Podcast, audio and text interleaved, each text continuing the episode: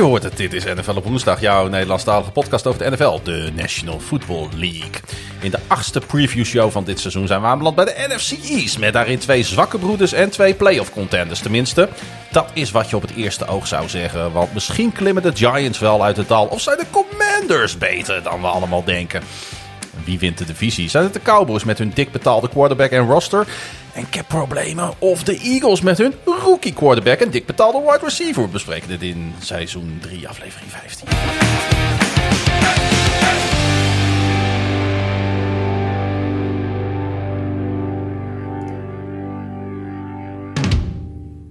En als deze erop zit, eh, Pieter, dan hebben we er acht eh, preview shows op zitten. Vind ik ook wel genoeg eerst. En dan ben ik er ook helemaal klaar mee, zei ik net. Jij opperde zelfs nog om even een gewone reguliere Ja, aflevering joh. op te nemen. hè? Ja, waarom niet? Maar eh, dat gaan we niet doen. We hebben ook al extra content natuurlijk achter het muurtje. Voor onze MVP-leden staat de voorspellingspodcast van week 1 ondertussen ook helemaal klaar.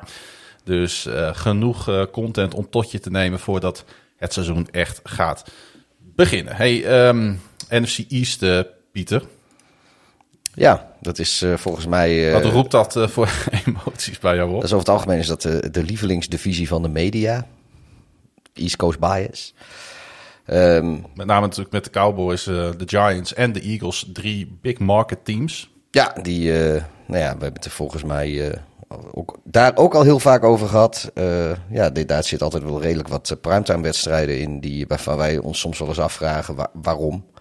Maar ja, aan de andere kant, hey, zolang ze die op primetime gooien, zitten de leuke teams misschien eh, Op een ander op, op een voor ons wat, eh, wat beter te behappen eh, tijdslot. Mocht het trouwens allemaal wat anders klinken dan normaal. eh, we zijn eh, verplaatst van de zolder naar de woonkamer. Ja, nog de volgende aflevering komt vanuit de kruipruimte. We gaan steeds lager nu. Ja, het is hier wat koeler.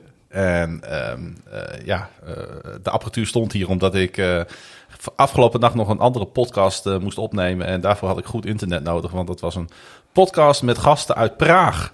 Praha. Dus vandaar dat we even op een andere locatie opnemen. Hey, zullen we maar gewoon gaan beginnen? Laten we dat maar doen.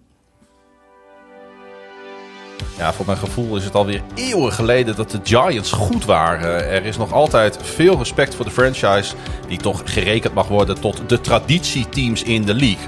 Ze hebben vier Lombardi trophies in de kast staan en ze hebben grote spelers voortgebracht. Maar het is alweer even geleden dat de Giants iets hadden om trots op te zijn.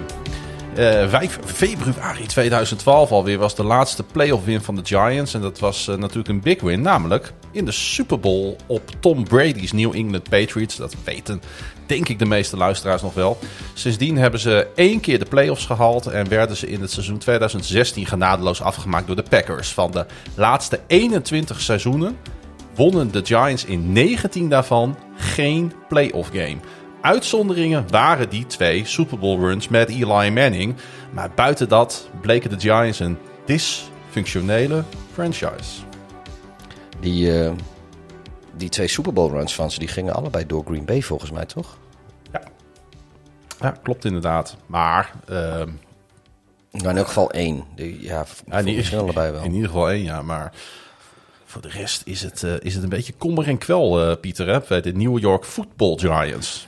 Ja, maar ze hebben wel gewoon twee, twee Super Bowl trofeeën op de plank staan. Ja, dat wel. Ja. Ik bedoel, ja, ik, ik weet... Maakt dat heel veel goed voor de fans? Of, Ja, ik weet het niet. Eh, kijk, zelfs eh, mijn Bears hebben meer playoff wedstrijden gewonnen in de afgelopen 19 jaar. Maar eh, wel geteld nul Super Bowl trofeeën gehaald in diezelfde periode. En ja, ik denk dat ik... ja, de, de, de- twee Super Bowls maakt denk ik wel heel veel goed. Ik denk dat, dat ik dat per saldo liever hun laatste 19 jaar heb dan, dan, dan de onze, om het zo maar te zeggen. Bears hebben natuurlijk nog wel in een Super Bowl gestaan, maar wisten hem niet te winnen. Ja, Eh, na de Super Bowl in 2012, ja, denk ik, ja, want eh, weet je, daar kunnen we gewoon, daar hoeven we niet zo moeilijk over te doen. De afgelopen tien jaar zijn er natuurlijk heel veel matige beslissingen genomen door het management van de New York Giants. Slechte coaches, het niet durven ontslaan van general manager Dave Gettleman. Als je het mij vraagt, ik weet nog dat op een gegeven moment Manning gebenched werd. Terwijl er geen enkel plan B was. Uh, slechte draft picks, free agents, busts, overbetalen. Ja, uh, weet je, het, het, het, allemaal in het typische rijtje wat je bij een team als de Giants over de afgelopen tien jaar kan plaatsen. Ja, en, en natuurlijk ook uh, als ze dan, nou, zo'n zo, zo Saquon Barkley, wat, wat in principe toch wel ja, een, een, een, misschien wel een generational talent was op running back. Ja. Die, nou ja, daar hebben ze ook niet heel veel geluk mee gehad. Nee, in 2018 was hij Offensive Rookie of the Year, als ik me niet vergis. Maar daarna werd het snel minder. Uh, met name natuurlijk ook door blessures. Ja, maar dat, ik, kijk, ik kan dat ook niet helemaal loszien van het feit dat het niet zo lekker loopt. Want, of niet zo lekker liep uh, in die tijd. Want daardoor heb je misschien ook wel wat meer uh, hem gebruikt dan, dan, dan strikt noodzakelijk heeft, zou zijn geweest bij een beter team. Maar ja, goed, dat, ja. dat is natuurlijk echt koffiedik kijken. Zoals niet koffiedik, maar koffiedik kijken. En ik, ik, zou zeggen, luister hiervoor de extra content op nflopwoensdag.nl. Ja, dan, dan, snap je deze hele slechte callback. Als je de voorspellingspodcast van, de, van, van voor week 1 uh, gaat luisteren. Nee, maar uh, ja, dat, dat, ze hebben echt hele slechte beslissingen genomen, denk ik. Of in ieder geval hele, niet, niet, niet hele denderende. En, uh, en ze hebben heel veel pech gehad. Ja, afgelopen seizoen was het natuurlijk ook niet best. Um, uh, Joe Judge die moest het veld uh, ruimen. Uh, ik herinner mij hem vooral om die curieuze running quarterback sneaks van, van afgelopen seizoen. En panten in de laatste wedstrijd om te laten zien dat je er klaar mee bent. Maar ik denk dat hij, ik, als je het hebt over overspannen mensen, ik denk dat hij overspannen is geraakt tijdens het seizoen. Uh, en daarom hebben ze nu gekozen voor een, uh, voor een uh, compleet nieuwe headcoach. Een rookie headcoach, dat moet er wel bijgezegd worden. De voormalig Buffalo Bills offensive coordinator Brian de Bull. En ze hebben een nieuwe general manager, Joe Schoen. Die ook uit die succesvolle Bills organisatie is losgeweekt. Ja, en dat kan natuurlijk leiden tot, tot andere tijden in de Big Apple in uh, New York. Maar uh, ja, ze hebben, al hun, ze hebben uh, natuurlijk nog altijd Daniel Jones als ja, hun starting quarterback. Vooralsnog zitten de eieren in het Daniel Jones mandje. Terwijl ze hadden natuurlijk de mogelijkheid om, om een andere quarterback op te pikken. Ja, hebben ze niet gedaan. volgens mij al twee jaar op rij hebben, ze dat, hebben ze dat nagelaten. Uh, kun, kun jij ergens, ergens een soort van duiding geven? Dat hoeft niet per se hoor, want ik, ik kan het niet. Uh, ik, heb, ik zie namelijk geen reden waarom zij ervoor hebben gekozen om toch maar krampachtig vast te houden aan uh, de zesde overall pick van de draft in 2019.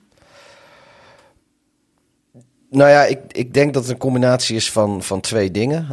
of ze hebben nog de hoop dat, dat er iets in zit wat we nog niet gezien hebben en dat dat er ieder moment uit kan komen. En uh, als dat niet zo is, dan denk ik dat zij uh, het belangrijker vinden om uh, hun. Want dit is natuurlijk ook een, een roster wat, wat de laatste jaren vol zit met gaten. Ja. En dat zij eerst die gaten een beetje, beetje willen dichten, zodat ze uiteindelijk een, een quarterback in een, in een team kunnen gaan neerzetten. Als het dus Daniel Jones niet gaat zijn.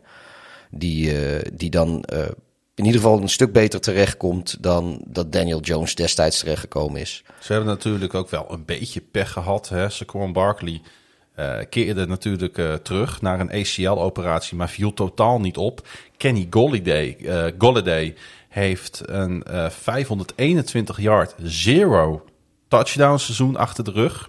Dat is, dat is natuurlijk dramatisch voor iemand die vorig jaar nog een vierjarig contract met een waarde van 72 miljoen dollar tekende. En uh, de first round draft pick uit 2021, Kadarius Tony, miste zeven wedstrijden en speelde na Thanksgiving nog maar één keer. Dus als dan jou, de, laat ik het maar even op zijn Nederlands zeggen, de spelers waarvoor je naar het stadion komt op deze manier presteren, dan is het wel droevig gesteld, hè? Ja, en nou ja, en als je dan al niet zo'n uh, zo'n denderend roster hebt, ja, als dit, dit zijn eigenlijk een beetje de spelers die het voor je moeten doen. En als die dan uh, om wat voor reden dan ook uh, niet thuisgeven, ja, dan, dan houdt het echt heel snel op met, met het plezier om naar te kijken, zeg maar. Ja, ik wil toch nog wel even inzoomen op deze Kadarius Tony, want ik vind wel dat hij upside heeft. In tien wedstrijden die hij wel speelde, brak hij wel een uh, Odell Beckham's franchise rookie record met 189 receiving yards in een 44-20 nederlaag tegen de Cowboys. Ondanks dat hij in diezelfde wedstrijd geëject werd door een, uh, voor een dreun die hij gaf aan defensive back de Monte Kazi in het vierde kwart. Weet je nog, hij zette en dat record neer en hij werd de wedstrijd uitgestuurd ja. met, laten we zeggen, een rode kaart. Um, Tony werd de vijfde speler in Super Bowl era. En ja, je kent mij, ik ben een sokker voor dit soort dingetjes. Uh, met een wedstrijd waarin hij minimaal 189 receiving yards noteerde. Terwijl hij ja. in één van zijn eerste vijf wedstrijden van zijn carrière speelde. En hij voegt zich daarmee bij Atlanta Falcons Ken Burrow in 1971, Buffalo Bills Jerry Butler in 1979, Minnesota Vikings Randy Moss in 1998 en Arizona Cardinals en Quen Boldin in 2003. Hè? Boldin die een van de allerbeste rookie receiver uh, seizoenen ooit heeft gedraaid in de NFL.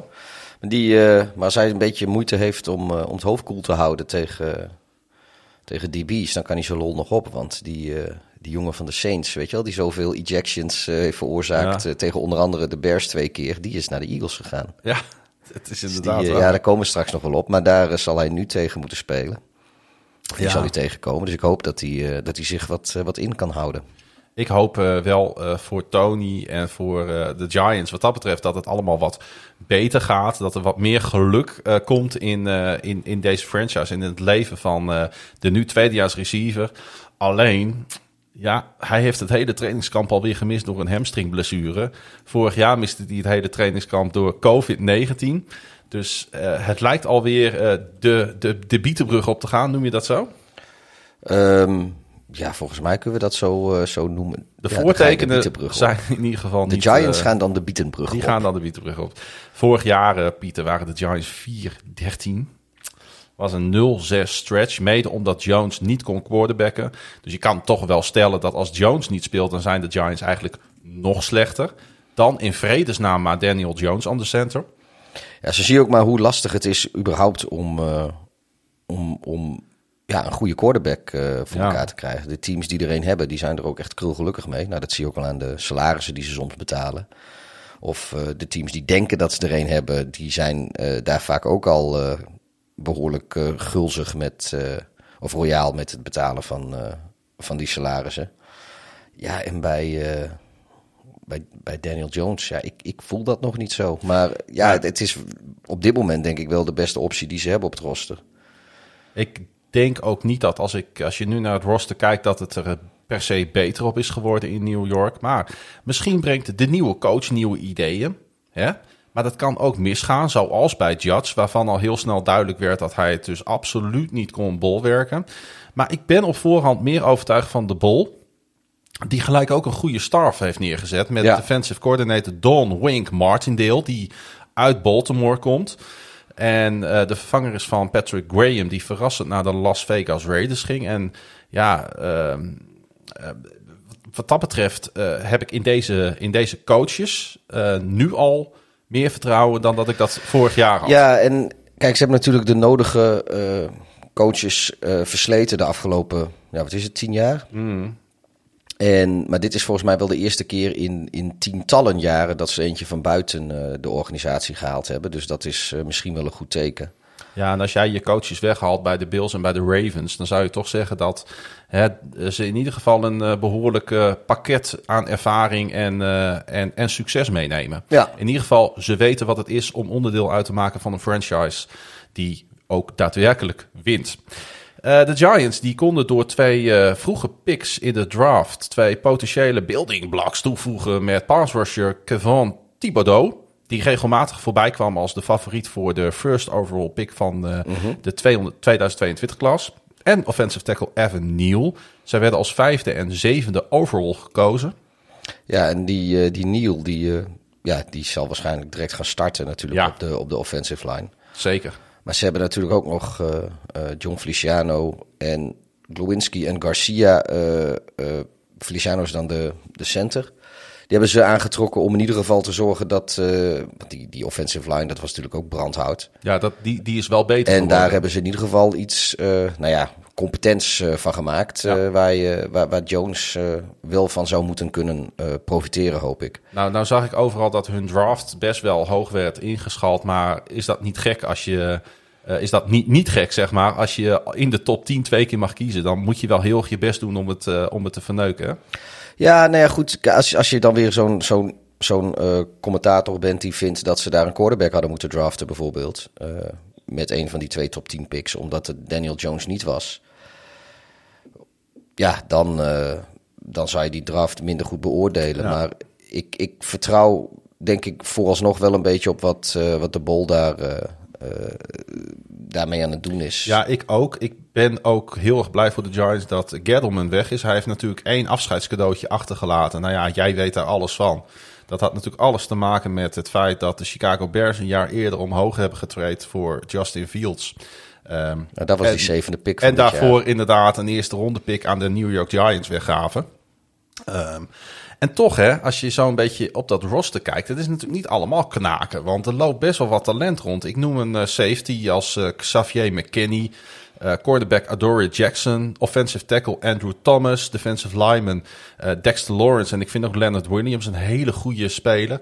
Weet je, die Gettleman die is gigantisch afgezaagd en dat is ook wel terecht. Want hij, heeft hij, is, hij is absoluut niet in geslaagd om ook maar in de buurt van een winning franchise te komen.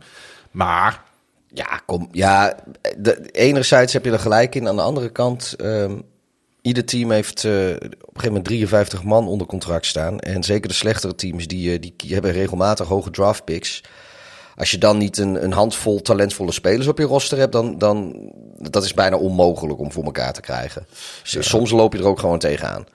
Ja, nu, nu wil ik niet zeggen dat Gettleman eh, eh, nou ja, absoluut niks goed kon doen, maar Ik denk dat hij Eh, vooral in de coaching heeft hij eh, hele foute Ja. beslissingen. Hij heeft op een gegeven moment van- Jason Garrett heeft hij aangetrokken. Nou, we weten allemaal hoe een matige NFL-coach Jason Garrett was.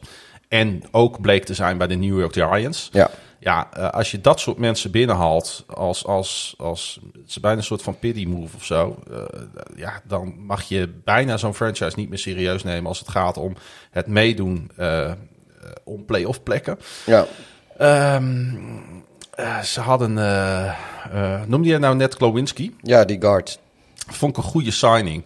Dat is typisch wel zo- zo'n speler die denk ik bij weinig mensen een belletje doet rinkelen. Maar het was een hele grote need, hè, guard.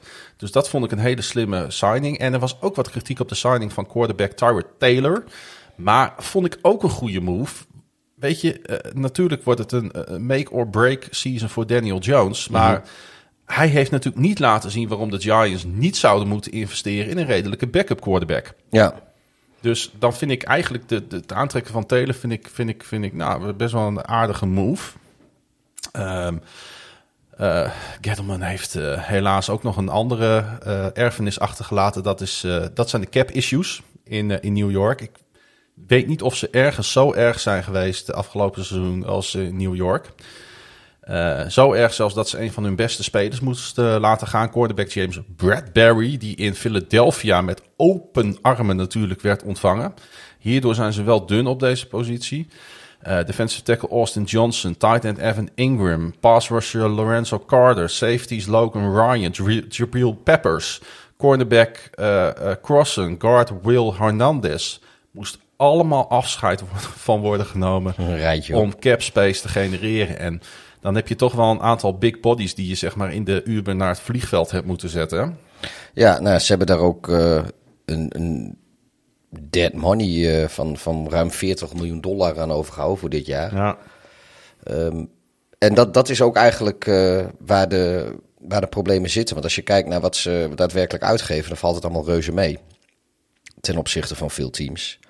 Maar ja, ze hebben niet zo heel veel ruimte meer dit jaar. Ze hebben dat wel redelijk, redelijk allemaal volgebouwd. Maar voor volgend jaar ziet het er al een stuk beter uit, bijvoorbeeld qua cap space. Want ik geloof dat ze dan met, eh, met een ruime 50 miljoen, eh, zoals het er nu voor staat, kunnen gaan werken. Ik heb geen idee wat, of ze nog dikke contracten moeten gaan, eh, gaan uitdelen. Maar ze zijn de, ik zit even te kijken nu bij over de cap. En er zijn voor 2023 bijvoorbeeld maar, maar twee teams die meer cap space hebben dan de New York Giants. De Bears is er zijn er één van. Ja, die hebben dubbele. Die hebben 107. En dan heb je de Patriots met 58 en de Giants met 55. Dus dat, eh, daar zie je trouwens wel heel veel slechte teams heel hoog staan. Maar de Ravens eh, staan er trouwens ook mooi tussen, hoor, met 44. Zou je ook eh, zou je in die zin de Giants een klein beetje kunnen vergelijken met de Bears? Dat dit ook zo'n jaar is dat ze nog even financieel moeten wachten. En dan flink kunnen toeslaan in 2023?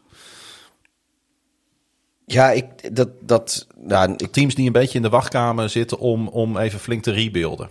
ja, ik denk dat de Giants er middenin zitten. Ik weet alleen dus niet eh, eh, zo uit mijn hoofd of er grote contracten zijn die, eh, die New York moet gaan, gaan uitdelen straks. Ik, dat, durf ik zo niet te Nou, zeggen. op het eerste oog zijn dat er niet veel.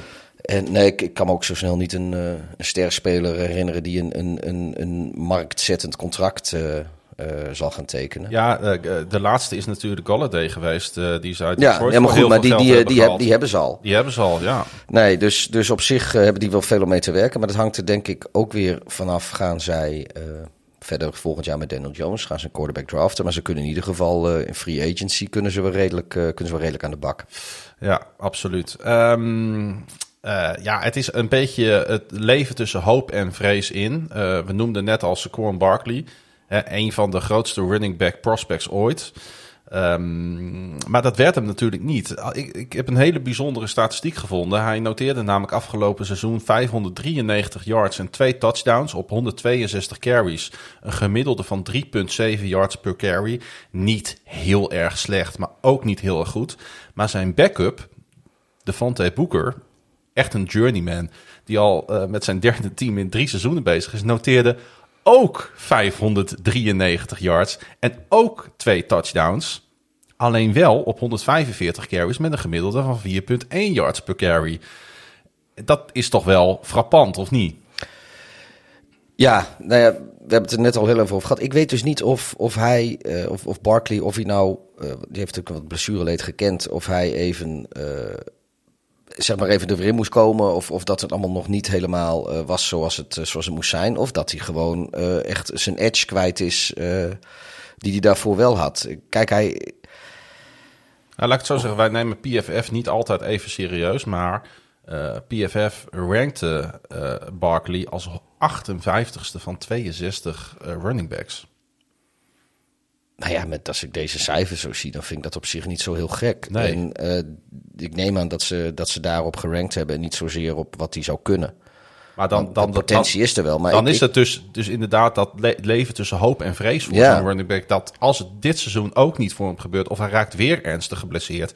Ik denk dat we dan met elkaar heel hard doei kunnen zeggen tegen de carrière van deze Ja. ooit zo veelbelovende speler. Hè? Maar daarom zou ik zou ook nooit eh, een eerste ronde pick eh, spenderen aan een running back. Wat ik zeg, dat doe je in fantasy voetbal, dat doe je niet, eh, dat doe je niet in het. eh, dat, dat was misschien 15 jaar geleden, kon dat nog eens een keer. Ja. Maar in de huidige NFL is.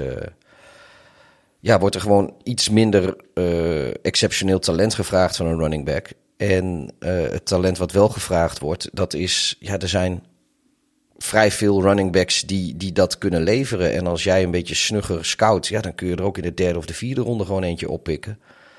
En ja, nu, nu geef ik ook toe, toen Saquon Barkley, eh, dat die- rookie seizoen, toen had je iets oké, weet je, die de eerste ronde pick waard. Ja. En dat is met, eh, dat kun je in zekere zin, daar zullen we het straks misschien nog wel even over hebben, want dat is ook deze divisie. Maar dus Ezekiel Elliott bij de Cowboys geldt een beetje hetzelfde. Ehm, maar ja, die hebben beide uiteindelijk, hebben ze het ook wel weer eh, in hun, na, na hun rookiejaar, hebben ze het wat, eh, toch wat minder gehad, of een mindere periode. En dan kun je op een gegeven moment wel eens afvragen van, joh, had je niet gewoon wat latere ronde picks kunnen spenderen aan een running back en dan die eerste ronde picks spenderen aan eh, een speler waar je tien jaar lang productie van hebt, of mogelijk tien jaar lang productie. Een, een, een, een left tackle of een, of een center of, of ja, sowieso iets op de offensive line. Dat, eh, dat, ja, dat, dat was zeker in New York is dat altijd een issue geweest. Ja, als ik dan kijk naar bijvoorbeeld de 49ers die in de zesde ronde die Davis Price eh, oppikken. Blijkt een ongelofelijke talent te zijn. Ja. Fysiek hele sterke voetballer. Ja, eh, ja, de, de helft van een running back produ- productie is, is scheme in principe. Ja. En eh, ja, als jij een goede scheme hebt. En inderdaad ook als jij een goede O-line hebt. Ja, dan, dan, dan hoef je geen, geen top of the bill running back te hebben om een hele productieve running game te, eh, te, te hebben. nee, of je moet Derrick Henry heten die gewoon door iedere line en achter iedere, iedere line kan spelen. Ja, nou ja, goed, dat, dat zijn inderdaad van die exceptionele talenten. En misschien waren Barkley, eh, was Barkley dat, dat ook wel. Of tenminste, die had zeg maar, dat ook kunnen zijn. Maar niet natuurlijk het type back die, eh, die King Henry is. Maar wel misschien qua waarde voor zijn team. Maar het blijft een gok hoor. En dus draft altijd een gok. Maar ja, ik, ik ben meer van de, de mening toegedaan dat, uh, dat als je, je je eerste ronde picks, die kun je beter spenderen aan, aan spelers waar je echt heel lang wat aan hebt, die ook heel lastig te vinden zijn. En dan heb je goede center, goede left tackle, goede quarterback. Uh, als je een hele groot getalenteerd uh, middle linebacker, als dat voor jouw team heel belangrijk is, of juist een, ja, een edge rusher, uh, defensive end, weet je. Zo'n Aiden Hutchinson, die bijvoorbeeld ja, de Lions precies, dit jaar ja. gehaald hebben, waarvan ik echt van, ervan overtuigd ben dat, dat, dat, dat ze daar de komende jaren ongelooflijk veel plezier aan gaan beleven. Ja, dat zijn maar, spelers die maken je gewoon als geheel echt een beter team, hè? Ja, en, en zeker als je in de bovenste, zeg maar in de top 15, top 16 pikt, ja, een, een, een running back of receiver, ik, ik zou dat niet snel doen. En, en als jij een team hebt die vol zit met gaten, ook al zou dat op running back of receiver zijn, zou ik daar ook niet heel snel een eerste ronde pick aan spenderen. Hey, als je nou kijkt, uh, ook nu weer wat de Giants zijn verloren, ja, dan weet ik ook niet of ze nou echt de allerbeste keuzes hebben gemaakt. Aan de andere kant, nou ja, uh, uh, dat moeten we ook gewoon gaan zien dit jaar. Hey, um, ik vind het heel moeilijk om de Giants het voordeel van de twijfel te geven. Ik denk dat ze goede zetten hebben gedaan met het binnenhalen van Shun en de Bol. Maar er moet wel heel veel gebeuren, wil de sfeer weer een beetje positief worden. De laatste tien jaar was het, uh, ja, vooral heel veel falen, beetje pech. Ik zie dit jaar de jump nog niet. Uh, het is altijd heel moeilijk om een rookie headcoach ook in te schatten, vind ik. Um, waarbij je bij de Bol natuurlijk ook nog kan afvragen of hij niet een product van uh, Josh Allen is. In plaats van dat het in principe andersom zou kunnen en moeten zijn. Uh -huh. Skepsis. Uh, ik denk dat het laatste jaar van Jones wordt in New York. Die uh, voorspelling durf ik wel aan. Tenzij de Jets met hem in zee gaan. um, een losing record wordt het sowieso. De Bills spelen trouwens ook in New York, hè? Wel in New York. In de staat, the great state of New York. Uh, misschien gaan ze er eentje meer winnen dan vorig seizoen.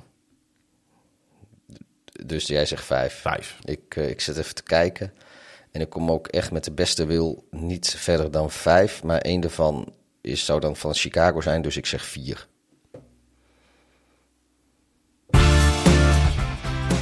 Opeens was hij daar. Hey, je hebt van die NFL-trades waar, uh, ja, waar iedereen uh, gelijk de wenkbrauwen van optrekt. Ik kan me nog herinneren hoe de Houston Texans ooit DeAndre Hopkins weggaven.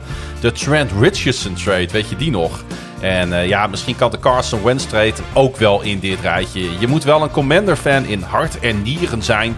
wanneer je voorbij Daniel Snyder positief naar Wentz kan kijken. Maar het gaat van kwaad tot erger in land over... waar niet alleen het stadion, maar de hele franchise op instorten staat... alsof het een oude Groningse boerderij in het aardbevingsgebied is.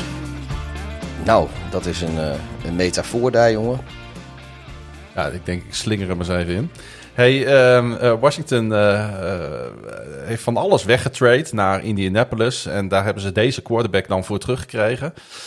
ik denk veel te veel voor een quarterback waarvan ze in Philadelphia niet wisten waar en hoe snel ze hem moesten dumpen. En ook nog eens voor de quarterback die zelfs onder zijn oude coordinator en mentor Frank, Frank Reich opzichtig faalde. Waarom hebben Washington Commanders dit in vredesnaam gedaan? Dat is eigenlijk gewoon de vraag die ik wil stellen. Ja. Kunnen we daar een antwoord op geven? Of, um, ik weet niet. Ik, uh, ik, ik... Kunnen, kunnen wij, zelf, ook zelfs wij hier geen enkele duiding meer aan geven? Ze hebben een nieuwe naam. Ze hebben een nieuw logo. Maar verder is het inderdaad nog een beetje dezelfde uh, ellende die, die het was. Uh, onbegrijpelijke beslissingen, dysfunctionaliteit in eigenlijk alle lagen in, de, in, de, in het bij de eigenaren, bij, uh, bij de staf, bij het, stadion. Dat, dat, dat gaat nergens over. De beslissingen die ze nemen op het veld willen niet altijd lukken. Als ze de boel voor elkaar lijken te hebben, zoals een paar jaar geleden, leek ze echt een hele veelbelovende uh, defense te hebben. Uh, ze hebben de playoffs toen nog gehaald door, door de Buccaneers uitgeschakeld. toen wel, maar toen hebben we nog Taylor Heineke die... Ja maar dat was ook gewoon een, een, flash in de pan, zeg maar, die, uh, dat, dat, dat seizoen en die, uh, die playoff berth. En volgens mij uh, hebben, ze die, hebben ze die playoffs ook gehaald omdat ze een hele slechte NFC East hadden gewonnen. Omdat, ze, omdat ze divisiekampioen met een losing record werden. Ja, per ongeluk, ja. zeg maar. Dus ja, nee. Ja, nee, ik, ik, ik, ik zie ook niet met, met, met de beslissingen die ze nu weer genomen hebben, hoe... ja, kan ik nu vast verklappen. Ik zie hier ook, ik zie hier ook geen ommekeer Nee, um, nee te, te, ja, oké. Okay. We gaan zo meteen nog wel even naar het roster kijken natuurlijk. Maar nog even, ik, ik, ja, we moeten hierbij stilstaan. Want um, uh, het is zo bizar dat ze Carson Wentz hebben gehaald. Uh, als, weet je, je bent eigenaar van een NFL-team.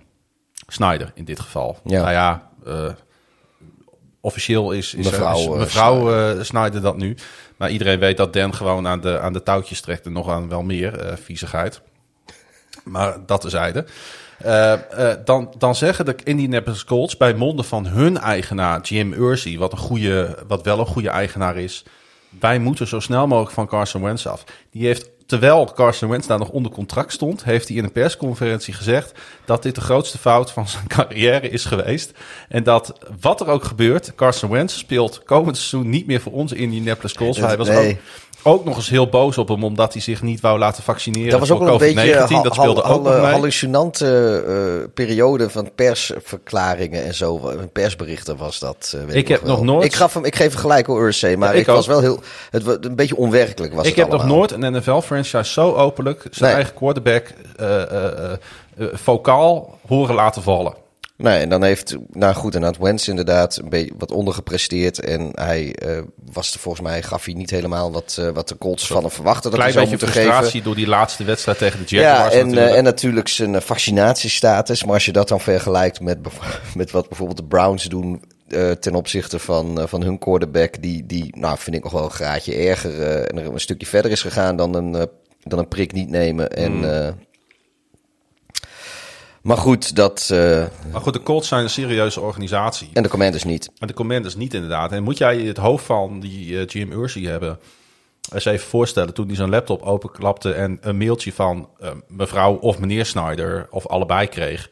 met het voorstel voor een eh, tasje vol draft picks... en het overnemen van een salaris van 28 miljoen... voor Nou, ik een quarterback dat, eh, waar zij dolgraag vanaf willen. Ik denk dat de poten van het bureau wel even van de grond losgekomen zijn toen. daar was hij wel heel blij mee, denk ik. Nou, schijnt ook dat de Commanders bezig zijn geweest om Russell Wilson binnen te halen. Of het schijnt niet eens, dat is, dat is gewoon gebeurd. Nou ja, ja, we kunnen ons allemaal ook weer dan het hoofd van Russell Wilson voorstellen... die zijn laptop openklapt en ziet dat de Commanders hem een vraag hebben gesteld... wil je bij ons komen voetballen?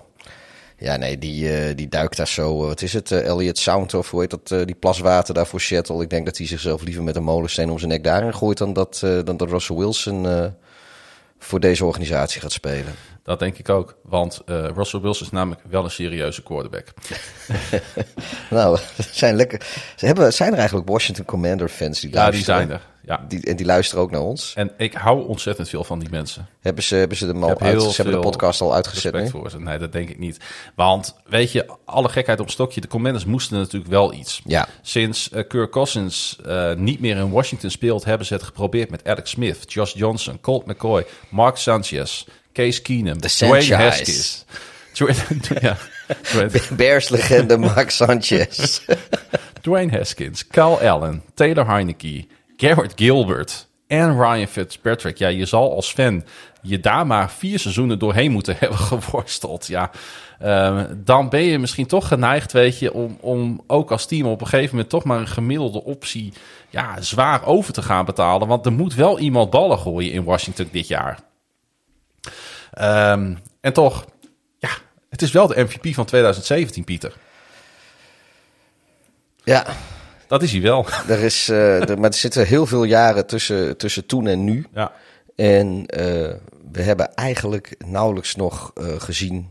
Ja, misschien 2018 ook nog. De, een deel van het seizoen was hij ook nog wel redelijk raakt. Hij ook weer geblesseerd. Ja. Of was dat 2000? Was dat voor? De we- Nou, ja, nou, hij heeft twee niet. jaren dat hij het goed deed. En, en, en steeds tegen de tijd dat die playoffs kwamen raakte hij geblesseerd. Nou, hij raakte natuurlijk ook eigenlijk in zijn MVP-seizoen raakte hij ook Ja, geblesseerd. daarom daarom moest dus- Foles het voor hem afmaken. Ja, en eh, nou ja, goed, dat, dat zal dan 2017 geweest zijn. Maar eh, ja, er is heel veel tijd verstreken sindsdien. En, en hij heeft eh, zijn laatste jaren in, in, in Philadelphia, die, die, nou, dat was al niet dent. Daar waren de meeste mensen ook gewoon blij dat hij wegging. En dat, Het was niet denderend. het- Eh, hij was gewoon de quarterback die Philadelphia de eerste en enige Super Bowl ooit gebracht heeft. En je zou, ik ongetwijfeld, krijgt hij misschien nog wel ooit ergens een standbeeld. Maar mm, weet je, de, de, de, de, de, de, de, de, confetti was nauwelijks, van de, was nauwelijks van de straat geveegd. En toen konden ze in, in Philadelphia eigenlijk al niet wachten tot, tot er weer een andere quarterback kwam. Wat natuurlijk vrij bizar is. En nu weet ik wel, hij, eigenlijk was het natuurlijk uh, Nick Foles die ze die Super Bowl bracht. Maar we weten allemaal dat Wens uh, toen gewoon heel goed was. En als hij niet geblesseerd was geweest, hadden ze, neem ik aan, ook gewoon uh, misschien wel twee Super Bowls kunnen winnen. Ik weet het niet. Maar goed, um, ik vind het nog steeds heel bizar hoe, hoe, hoe snel dat gegaan is. Ja, dat, ik denk dat we niet vaker zo'n.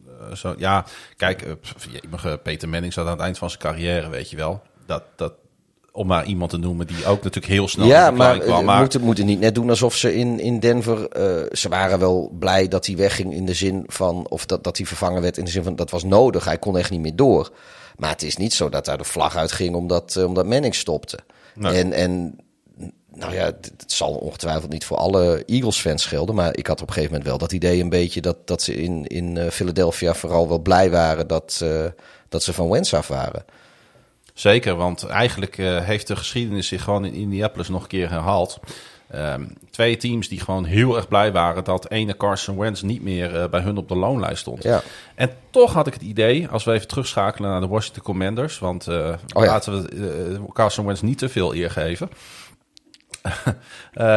dat er wel iets aan het veranderen was toen ze natu natuurlijk, jij noemde dat terecht, in 2020 divisiekampioen werden. Dat kwam natuurlijk door die geweldige defense. En ik had toen nog het idee dat de enige vriend van de show, Ron Rivera, daar ook een hand in had. Uh, maar die geweldige defense, die bleek een seizoen later, uh, uh, daar bleek daar helemaal niets meer van over. Ze gingen van nummer 3 in Football Outsiders Defensive, DVOA, in 2020 naar nummer 27 afgelopen seizoen. Weet je, defenses kunnen een klein beetje decline hebben. Je kan van, oh, laten we zeggen, van 3 naar 8 gaan. Je kan van, van 4 naar 12 gaan. En, en laten we niet vergeten dat in de top 10 van de defenses zitten over het algemeen heel dicht op elkaar hoor. En uh, dus je kan ook vrij vlot van, van een top 3 uh, uh, of een top 5 naar, bui naar buiten de top 10 vallen. Maar 20 plekken zakken, dat is wel, of in dit geval 25, 24 plekken zakken. Precies. Dat is echt wel, dat is weer andere koek. Dat is wel ongekend hè. Um, en we moeten zijn naam denk ik toch even noemen. Want voordat een uh, gescheurde ACL hardhandig een einde betekende... voor zijn seizoen speelde Chase Young ook al heel onopvallend. Alsof opeens alle magie weg was uit dat team. Uh, er waren nog wel een paar meer blessures. Maar het rechtvaardigde natuurlijk niet waarom er zo'n hevige decline was. En ik denk dat er eigenlijk nog steeds een prima D-line staat in Washington. En het zou dus ook wel eens kunnen dat dit team van 27 weer een jump naar gemiddeld kan maken. Ja. Dat zie ik ergens ook wel weer gebeuren. Maar, Pieter, en dat hebben we ook allemaal meegekregen voor het seizoen, dan moeten ze wel letterlijk en figuurlijk uh, op één lijn staan. Dan moeten de neuzen wel dezelfde kant op uh, staan. Want wellicht kunnen luisteraars zich... Ook uh, is daar wel een probleem, hè? Ja, nog die blow-out herinneren tegen de Dallas Cowboys. Dat was ook die wedstrijd dat, dat het bankjesincident was. Tijdens die 56-14 nederlaag gingen defensive linemen Darren Payne en Jonathan Allen met elkaar op de vuist aan de zijlijn. En dat illustreerde eigenlijk alles. Hè? Want dat er buiten het veld meer en echt gevochten werd dan er binnen. Denk dat dat uh, incident in één keer samenvat wat de Washington Commanders of eigenlijk vorig jaar de Washington Football ja, het is een beetje exemplarisch uh, ja. voor, voor hoe dat uh, eraan toe gaat. Um, in de offense een paar interessante namen. Terry McLaurin, fantastische receiver, die helaas nooit helemaal doorbrak dankzij bedroevend quarterback play. Want dat heeft hij natuurlijk niet mee. Maar vergis je niet, hij is, vind ik in ieder geval, uh, een star-level receiver die over de afgelopen twee jaar communicatief in catches en yards de tiende receiver in de league was. Ze hebben hem ook uh, zo'n beetje 100 miljoen voor, voor drie jaar gegeven daarvoor. Hè? Ja, ik denk ook dat hij dat verdient. Ik, zijn talent is, is onmiskenbaar, maar hij heeft alleen maar negen keer gescoord. Dus je kunt wel gedurende iedere wedstrijd heel veel ballen vangen. Maar als uiteindelijk de aanval om jou heen zo matig is dat je nooit een keer in de buurt van de endzone komt, ja, dan heb je toch uiteindelijk niet echt de mogelijkheid natuurlijk om als receiver echt te schitteren als 33ste gerankt als het om scoring gaat. Ja, maar dat is natuurlijk ook een beetje. Uh, uh, ja, ik weet niet hoe de, hoe de red zone play calling is. Ik weet niet hoe. Uh, ja, zijn supporting cast was natuurlijk ook niet zo geweldig. Maar inderdaad, het is gewoon niet, niet heel denderend. Hey, die running back room die vind ik ook heel aardig. Natuurlijk onder aanvoering van Antonio Gibson. De offensive line vind ik ook solide. Ook zonder vijfvoudig Pro Bowl guard uh, Brandon Scherf. Die heel veel centjes uh, gaat verdienen in Jacksonville, als ik me niet vergis. Um, objectief gezien, en dat proberen wij natuurlijk te zijn, vind ik eigenlijk dat Wentz zich helemaal niet in zo'n slechte situatie bevindt. Als je kijkt naar de wide receivers die hij tot zijn beschikking heeft, de running back room en goede O-line. Ik vind het, ik vind heel eerlijk gezegd, de Washington Commanders op dit punt niet eens zo'n heel bedroevend hmm. team. Denk je dat, uh, dat Carson Wentz het hele seizoen gaat spelen? Even los van blessures. Want ze hebben natuurlijk wel die Sam Howell gedraft, de Commanders. Ja. En in de vijfde ronde nota bene. Terwijl die uh, eigenlijk wel verwacht werd dat hij ergens uh, in de eerste twee ronden zou gaan. Ik, uh, ik moet eerlijk zeggen, ik heb niet heel veel verstand van, van hoe goed hij Howell is. Ik weet alleen dat hij vrij hoog aangeschreven stond in, in deze draft. En dus pas heel laat richting, richting Washington gegaan is. Nou, ze hebben wel een interessante quarterback maar, room. Maar, het zou, zou maar zo kunnen. Ja. Stel dat hij nou goed is. Ja, weet je, als Wens weer gaat wensen ja, waarom zul je dan niet gewoon met je, met je jonge ster gaan spelen? Want wat jij net zei, uh, er, er zijn op zich wel, wel wapens. Ja, ik vind dat als je een, een quarterback hier achter zet die weet wat hij doet... en dat zou in principe ook Taylor Heineke kunnen zijn... Al heeft hij wel heel veel wisselvalligheid laten zien. Ja, en ik denk het feit dat ze hebben getrade voor Carson Wentz. En dus, hoewel om de vijfde ronde was Sam Howell sowieso een, een buitenkantje, denk ik. Mm. Uh, maar ja, het feit dat ze twee andere quarterbacks, zowel in de free agency als in de, of, of via trade als in de draft, uh, uh, gepakt hebben. Denk ik eigenlijk dat, uh, dat het hoofdstuk uh, Taylor Heineke bij de Commanders wel uh, een beetje op zijn eind komt. Ook best kans dat hij nummer twee wordt op de, op de depth chart voor het begin van het seizoen. Maar hier geloof ik denk ik toch iets meer in daden dan woorden. En, het zal wel in ieder geval een stuk leuker worden met die Sam Howell. Want ik heb begrepen dat dat een ongelooflijk agressieve quarterback is. Hij had volgens mij ook een hele lage completion rate in college. Van de hele quarterback klas op één na laagste. Ja, maar goed, hij, was, hij, wordt, hij wordt dus wel echt gezien als een groot talent. En, uh... Ja, hij, hij, als je het dan hebt over, uh, over uh, on, ongeslepen diamantjes, dan voldoet hij wel tot, tot de categorie, denk ik. Ja. Ik, ik, ik heb even wat cijfers erbij gepakt. Ik zie dat hij een 12,7 off-target rate had. En daarmee was hij de slechtste college quarterback in de league. En ja, met alle respect, uh, ik, ik, zou het wel willen zien. En ik denk ergens ook wel dat als inderdaad Wens niet gaat brengen wat ze hopen, dat, dat, dat hij een kans gaat krijgen. Maar dan ga ik wel voor de televisie zitten, want dan zou het ook zomaar comedy capers kunnen worden. Ik, uh, ik, ik ben benieuwd. Ik, ik zou het graag zien. Maar ik moet ook eerlijk zeggen, ik weet niet of hij in preseason gespeeld heeft. Ik heb helemaal niks van de Commanders in preseason. Jij wel, want ze hebben toch tegen de Ravens gespeeld? Ja. Heb je Sam Howell langs zien komen toevallig, weet je dat? Uh, ja, die heeft gespeeld in die wedstrijd. Ja, die vond ik een hele goede indruk maken. In die, uh, moet ik wel zeggen dat, uh, nou ja, de Ravens speelden natuurlijk ook niet met hun starters. Dus er ontstonden nogal wat ruimtes als het gaat om de, om de grote vlakken, zeg maar, achter, de, mhm. achter de safety positie. Ja, goed, maar dan... Je moet op het moment dat er dat er ruimtes ontstaan, moet je ook benutten. Ik, het is altijd ook dubbel met die pre-season ja, ik ga niet, Ik ga niet Sam Howell op een eerste helft van, oh, nee, van nee. pre-season game 3 hier uh, proberen te duiden. Uh, waar we natuurlijk wel op kunnen terugvallen waren die college cijfers die ik net genoemd heb. En ja, dan, dan heb ik toch wel zorgen over, uh, over Sam Howell als directe starter in de, in de NFL. Wat ik een goede move vond van uh, Washington was het uh, opnieuw tekenen van J.D. McKissick, McKissick moet ik zeggen. Die op een uh, zeker moment zo goed als zeker naar de Bills zou gaan. Washington verloor edge rusher met Ianidis. I, nee, met Ionidis. Die is naar de Panthers gegaan. En defensive tackle Tim Settle ging naar de Bills. En ja, dat waren wel twee sterkhouders in dit team. En die gaan ze wel missen. Hey, in de eerste ronde gingen de Commanders uh, voor uh, Jahan Dodson. Een uh, sure-handed receiver. Maar ik vond het eigenlijk best wel een beetje een reach. En ik vond ook niet echt een hele grote need om gelijk al met je eerste pick voor hem te gaan. Vond ik een beetje raar.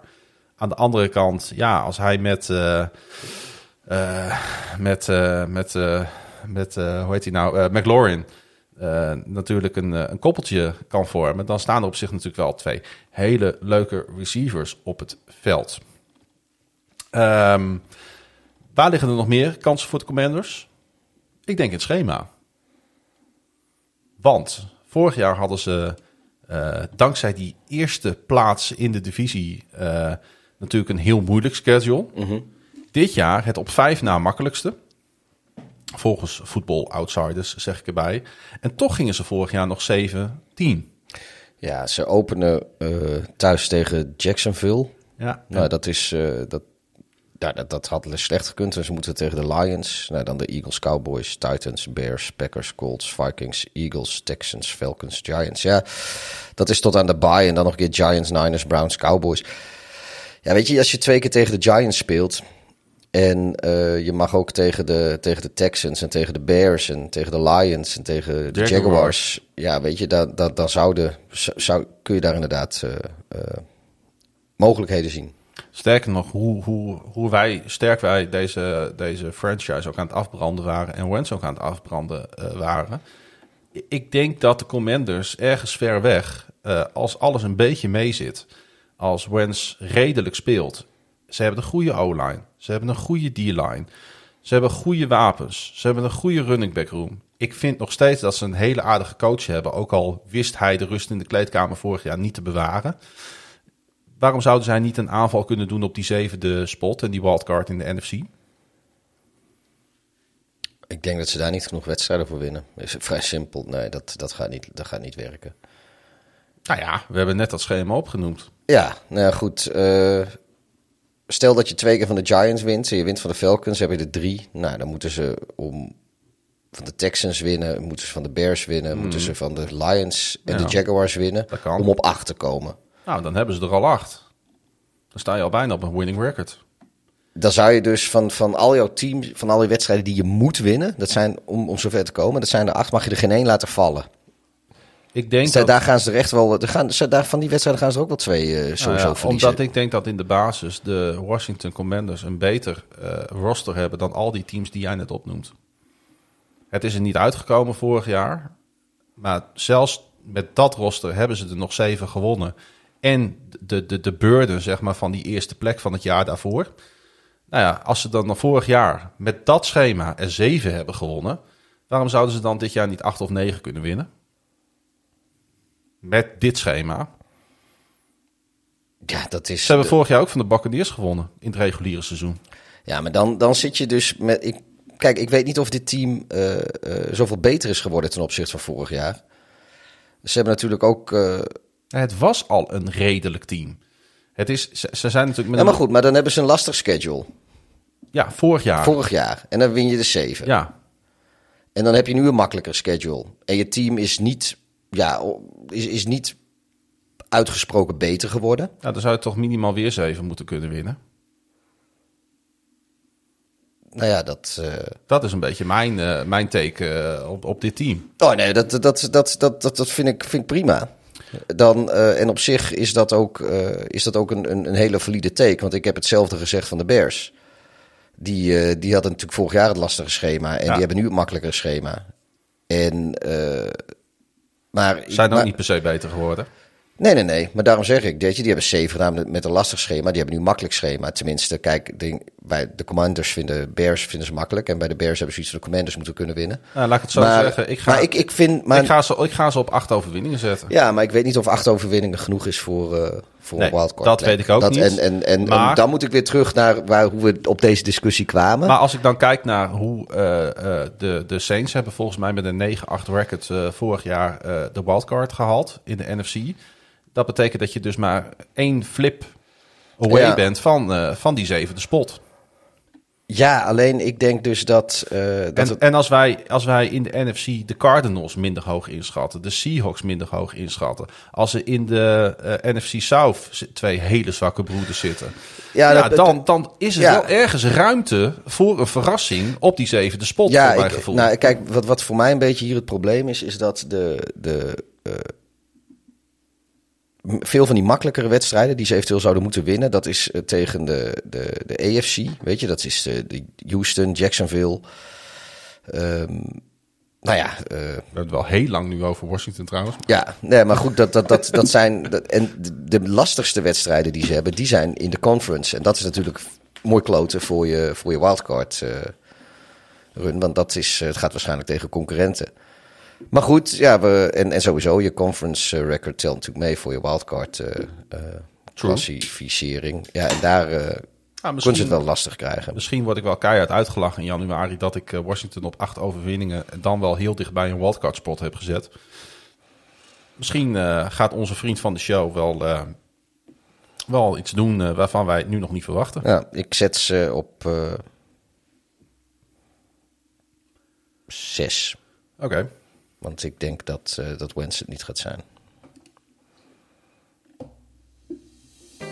Waar eh, Ryan Tannehill een league-leading cap hit van eh, 38,6 miljoen dollar voor zijn rekening neemt, is die van Jalen Hurts voor dit jaar 1,64 miljoen. Een fractie dus. En daarom is ook AJ Brown dit jaar speler van de Philadelphia Eagles. Hij verdient de komende vier jaar 100 miljoen dollar. En die Brown is ook gelijk een van de hoofdredenen waarom veel mensen fired up zijn over dit team dit seizoen. Maar ja, de quarterback kan naast een sterkte ook een zwakte zijn natuurlijk. Door het eh, rookie contract van eh, Hurts kunnen de Eagles een sterk roster bouwen. Maar kan Hurts dat sterke roster ook waarderen in zijn spel? Met Brown heeft Hurts wel een van de beste receivers in het spelletje tot zijn beschikking. En ondertussen betalen ze in Nashville een quarterback. En in Philly een receiver. Ja, is het gek dat ik eh, deze teams eh, zo een beetje naast elkaar zet, gezien eh, wat hier gebeurd is tijdens het offseason? Nee, ik denk dat het. Het is natuurlijk wel logisch dat je sowieso Brown er even bij pakt. Want die zullen ze in, in Nashville heel erg gaan missen.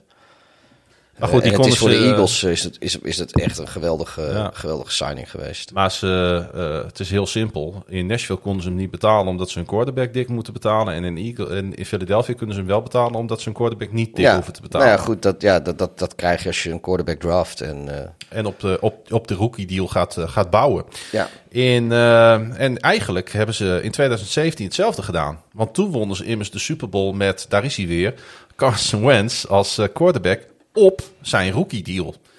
Eh, het, het was, eh, was dusdanig goed dat zelfs eh, Nick Foles het daar kon afmaken. En ik vind dat de Eagles eigenlijk hier ook wel weer heel veel goede keuzes hebben gemaakt.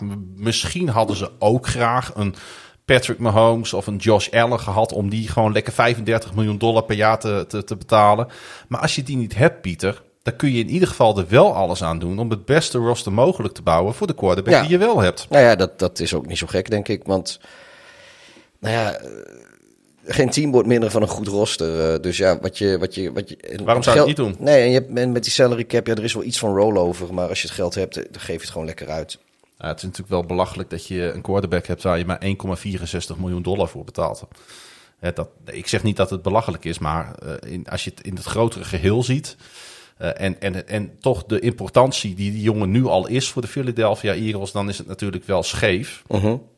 De O-line werd door PFF pre-season rankings als eerste ingeschaald. Met Brown en natuurlijk Devonta Smith, die een eh, heerlijk seizoen achter de rug heeft. Heeft Hurts twee hele fijne wapens. En de defense is diep. Philly is sterker geworden op edge rusher en linebacker. En toen Roseman ook nog eens, daar is hij weer, cornerback James Bradbury wist los te weken uit New York, was het feest eh, compleet. En toch denk ik, als ik zo jou een beetje inschat, Pieter, dat Hurts voor jou het grote vraagteken is. Nou, ik denk dat Hurts in ieder geval voor dit seizoen eh, met afstand de, de beste oplossing is. Maar ik, eh, ja, ik weet ook niet of hij voor de langere periode het antwoord is op, op het quarterback-vraagstuk in, in Philadelphia. Ik, eh, kijk, als dat wel zo is, dan, dan zitten ze voor de weet ik hoe lang gebakken. En eh, als dat niet zo is, nou ja, goed, dan, eh, dan de- hebben, ze, ze hebben ze ondertussen een solide roster gebouwd voor, voor wie er ooit maar terechtkomt. eh, voor een vervanger. Het is Ja. natuurlijk wel zo dat de Eagles zelf natuurlijk ook al de downside van Hurts hebben ingezien. Hè. Ze shiften vorig jaar van Hurts als passer naar een run first team tijdens het seizoen. Offensive coordinator Shane Steichen die ging de plays callen en zal dat ook dit jaar weer, weer doen. Maar ook hij kon niet voorkomen dat de Buccaneers pijnlijk bloot wisten te leggen waar de problemen liggen eh, bij Hurts en de Eagles. Bij rust stond Hurts op 88 passing yards en 47,7 passer rating. En de Eagles stonden met 17-0 achter. Ja, we zeiden het laatst al. Deze playoffs was van alles wat. Eh, complete blowouts. En hele spannende wedstrijden. Nou, dit was zo'n wedstrijd waar we naar zaten te kijken en dat we elkaar aankeken en dat we zeiden, waar zitten we naar te kijken? Um, moet wel zeggen, een klein jokertje voor Hurts, want hij speelde met een enkel blessure waar hij tijdens offseason aan geholpen is. Maar uh, duidelijk werd wel dat die Bucks defense uh, heel goed wisten hoe ze natuurlijk korte metten moesten maken met deze Eagles. Ja. Maar nou dit, ik denk ook dat de, een van de grote tekortkomingen van de Eagles vorig jaar, en ik weet ook niet of dat dit jaar uh, heel veel beter gaat zijn. Ik denk wel wat beter, maar de, de, de, de rush, uh, de pass rush. Ja, die, is, die, is die, is, beter geworden. Nou ja, dat, dat moet ook wel, want het was vorig jaar was dat uh, een van de slechtste in de league. Maar dat, dus ja. die, die zal sowieso op papier in elk geval beter zijn geworden. Maar of, of dat nou nu in één keer geen zwak punt meer gaat zijn, dat uh, zover durf ik nog niet te gaan. Want nou ja, goed, dan moet je ook wedstrijden voorzien. Um, nou, als je Hasten Reddick haalt, dan, dan is hij niet alleen op papier beter geworden, maar dan heb je gewoon een van de topspelers in de NFL binnengehaald. Ja, maar als, als, als dat het is, dat wil niet zeggen dat je in één keer uh, je hele probleem opgelost hebt. Je hebt het probleem geadresseerd. Ja. Niet, niet, uh, het kan nog steeds een zwakte blijven voor, nou ja, uh, voor het team. Dan vind ik dat je, dat je, dat je Reddick te weinig credits geeft.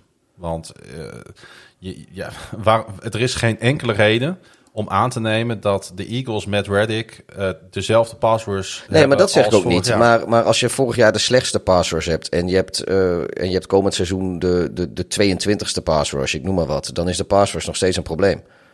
Ja. Dat, dat bedoel waar. ik meer. Ik zeg, kijk, alleen Reddick gaat natuurlijk niet uh, van, van een van de drie slechtste pass rushes. Ik weet niet precies waar ze stonden. Ergens, uh, weet ik veel, 30 of 29 waar ze nou, ik weet, ik weet in ieder geval dat ze uh, het één na laatste sec-team waren.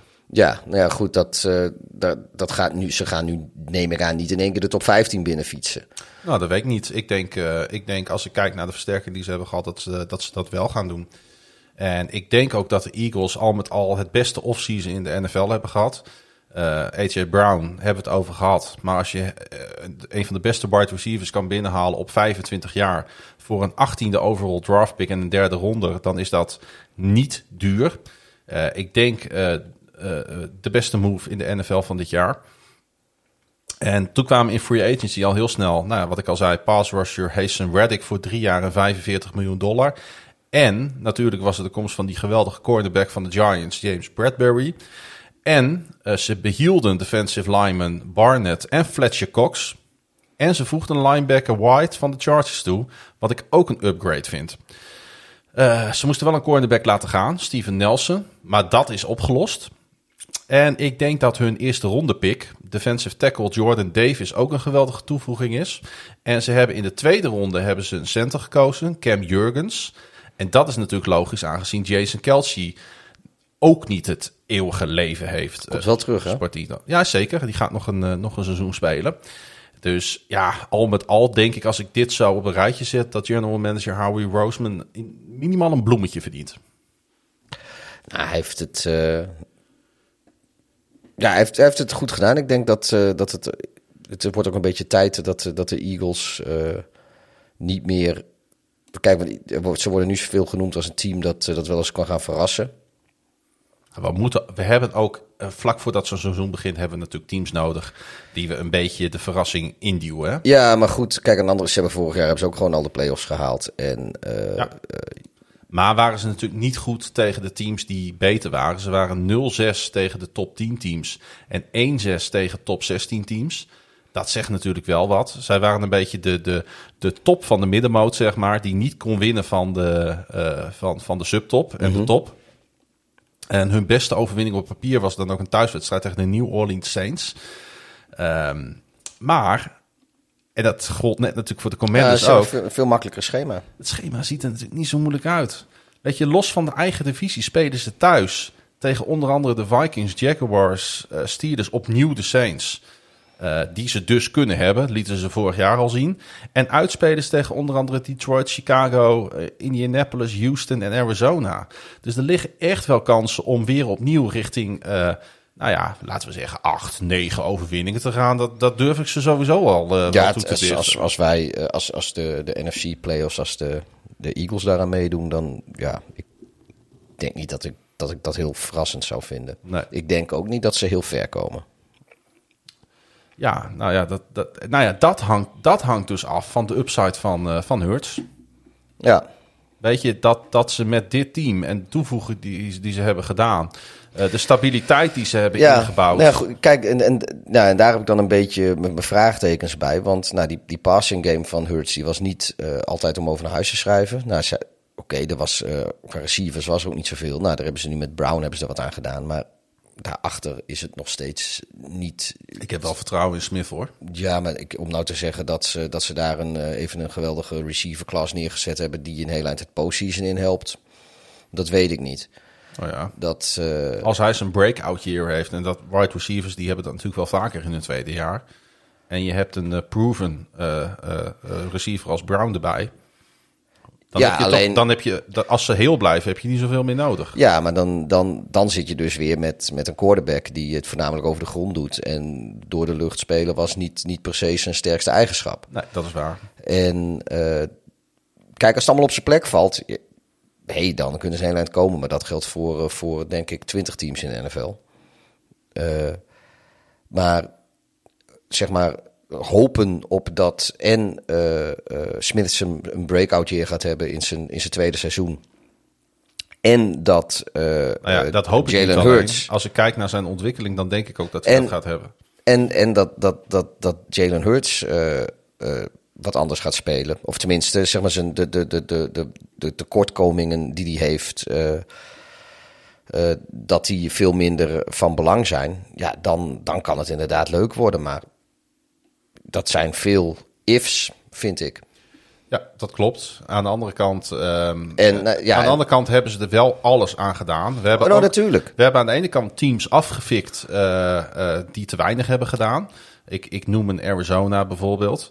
Hè, waarvan we zeiden van ja, maar die hebben niks gedaan. En die zijn er alleen maar op achteruit gegaan. Nou, de Eagles hebben in ieder Ja, die geval aan alle touwtjes Ja, getrokken om, Die de- eh, oh om ja, er wat dat- van te maken. Ik, ik, ik, ik zeik ook de Eagles niet af. Ik denk alleen dat de Eagles eh, eh, nog net niet ver genoeg zijn om, eh, om zeg maar echt potten te gaan breken en een diepe playoff run te maken. Kijk, dat zij in de divisie eh, de boel behoorlijk op stel te kunnen zetten en dat zij in januari aan, het, aan het postseason mee gaan doen. Ja, dat zie ik allemaal wel gebeuren. Maar ik, ik zie ze niet. eh, weet ik veel, een NFC Championship game spelen of zo. Of, of, of misschien zelfs de division. Ja, ik, ik denk niet dat ze een diepe playoff run maken. Weet je, ik eh, ben wel een soort van NFL-kijker die toch ieder jaar probeert om een aantal teams eh, te omarmen. Er zijn ook een aantal teams die ik eh, heel graag de, de, de diepte inpraat. Ik, heb, ik heb bijvoorbeeld op de een of andere manier vertrouwen in de Panthers van dit jaar. Ik heb vertrouwen in de Eagles van dit jaar. Ik, ik blijf achter mijn team staan. Ik denk dat als je Eagles-fan bent, dat je best wel enthousiast mag worden van dit team. Tuurlijk is het de vraag of het in elkaar gaat, gaat klinken allemaal. Maar ehm, als, als Hurts een top 10 quarterback blijkt te zijn, dan kunnen de Eagles het surprise Super Bowl team van deze league zijn. Ik zet ze op, eh, ik zet ze op 11 overwinningen. En jij? Mijn waarde, Pieter. Ik zit even te kijken. 9. Ja, je zou het bijna vergeten. Met de playoffs verser in het geheugen dan het reguliere seizoen. Maar de Dallas Cowboys waren vorig jaar een goed team. Een outsider voor de NFC title game. Een outsider voor de Super Bowl. De Dallas Cowboys waren het beste team in Football Outsiders DVOA. Ja, en als je die metric niet vertrouwt, kijk dan nog maar eens naar die wedstrijd tegen de Commanders. Hè, waar we het eerder deze podcast over hadden. Maar dan moet je ook de 23-17 nederlaag in eigen huis tegen de San Francisco 49ers terugkijken. En specifiek die rare quarterback draw call op de laatste play, wat de klok leeg speelde. Oké, ehm, misschien is het niet helemaal eerlijk om een eh, volledig seizoen op te hangen aan een nederlaag tegen een eh, hot 49ers team. Maar dat is wel wat de NFL is, Pieter. En het was niet leuk voor Dallas. Dak Prescott zei zelfs een maand na de nederlaag nog iedere dag aan het verlies te denken. Yeah, I mean non-stop. Multiple times a day, zei Prescott bij de Rich Eisen Show. Ja, het kwam hard aan in Dallas, hè, die, eh, die nederlaag. Ja, en dat is denk ik wel terecht, want eh, ja, je, in de playoffs eh lukt het nooit voor ze. Nee, En ieder jaar zijn de verwachtingen hoog gespannen. Dat is ook gewoon omdat eh, ze gehyped worden, want het levert geld op. Laten we eerlijk zijn, want ze zijn natuurlijk een, eh, ze hebben een, een, een, markt die over eh, de hele Verenigde Staten zich uitspreidt. Zijn een van de grotere teams, of misschien wel een van het grootste team. In ieder geval het meest waardevolle team. Eh, America's team, eh, voor wat dat waard is. Maar ja, zodra het eh, om de knikkers gaat, dan, eh, dan, eh, dan geven de Cowboys structureel gewoon niet thuis. Ja, weet je, als- en, als- ieder- en ze hebben nu misschien vorig jaar ook al en dit jaar ook weer qua talent, denk ik, een, een, een team dat, dat ja, dus op basis van talent het beste Cowboys team is in de laatste 10, 15 jaar misschien wel. Om, en dan reken ik dus ook de, de Jason Witten, Tony Romo Cowboys mee met, met wat was het, Des, Des Bryant en noem ze allemaal maar op. Ehm, ja, en nog steeds lukt het niet. Nee, want als dit team nou ergens in de afgelopen tien jaar wel af en toe eens een diepe playoff run had gemaakt, dan was natuurlijk die, die nederlaag van, van vorig jaar ook een stuk minder hard aangekomen. Dan kan dat opeens een keer gebeuren.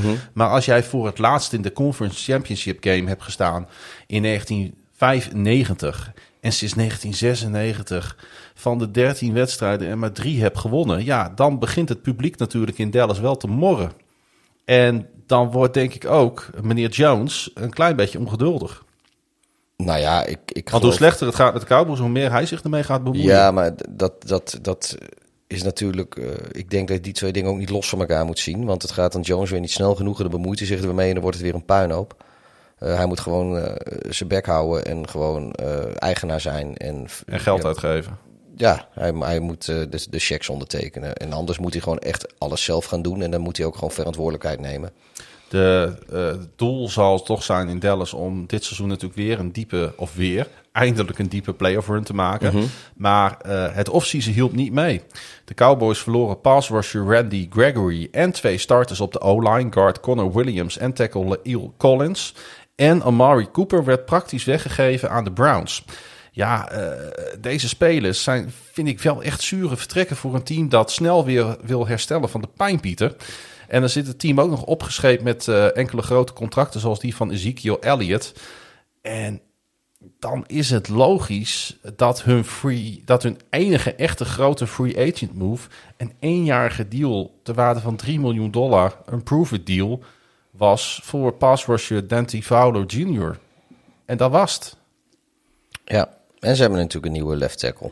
En eigenlijk een hele oude. Nou, Eh, nu kan ik even niet op zijn naam komen. Die was vorig jaar nog... eh, de- Jason Peters?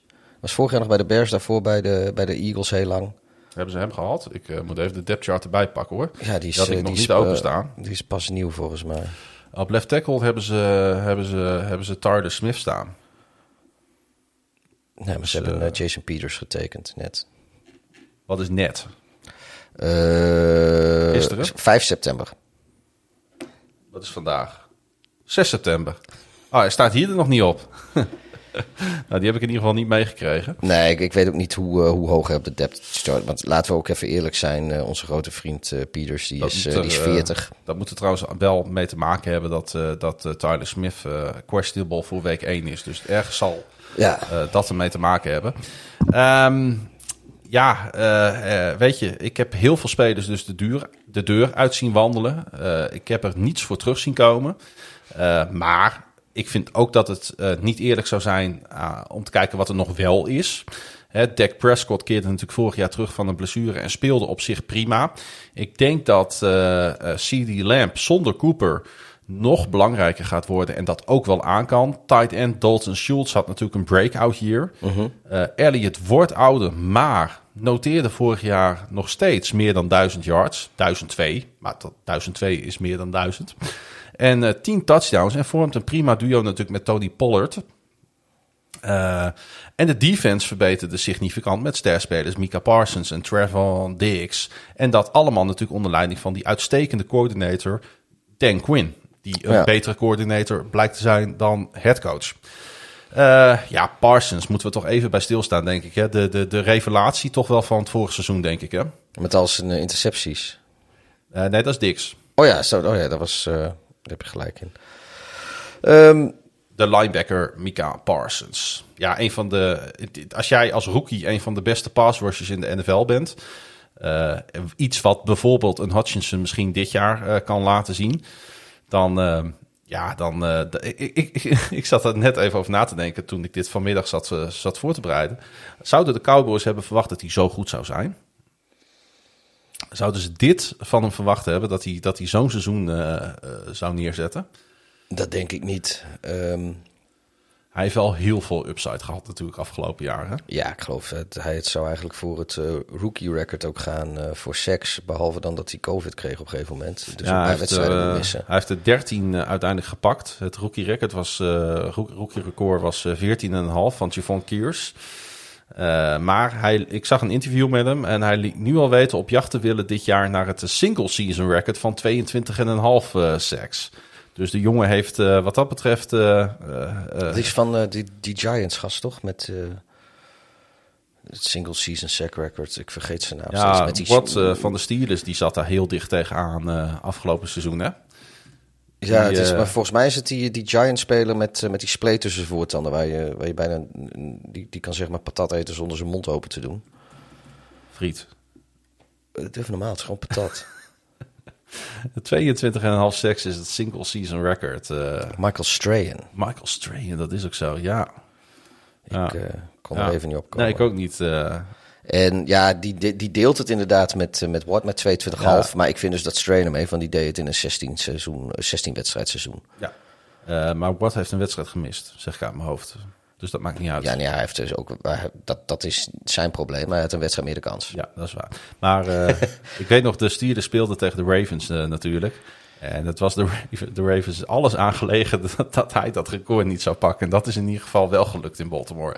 Ja. Ja, ehm, ja eh, eh, eh, het is duidelijk, eh, Pieter. eh, Jerry Jones eh, wil natuurlijk met dit team nu eindelijk eens een keer die Super Bowl gaan halen. Maar eh, is het dan wel slim dat hij Mike McCarthy eh, de hand boven het hoofd blijft houden? Nee. Jij bent niet zo ver van hem, hè?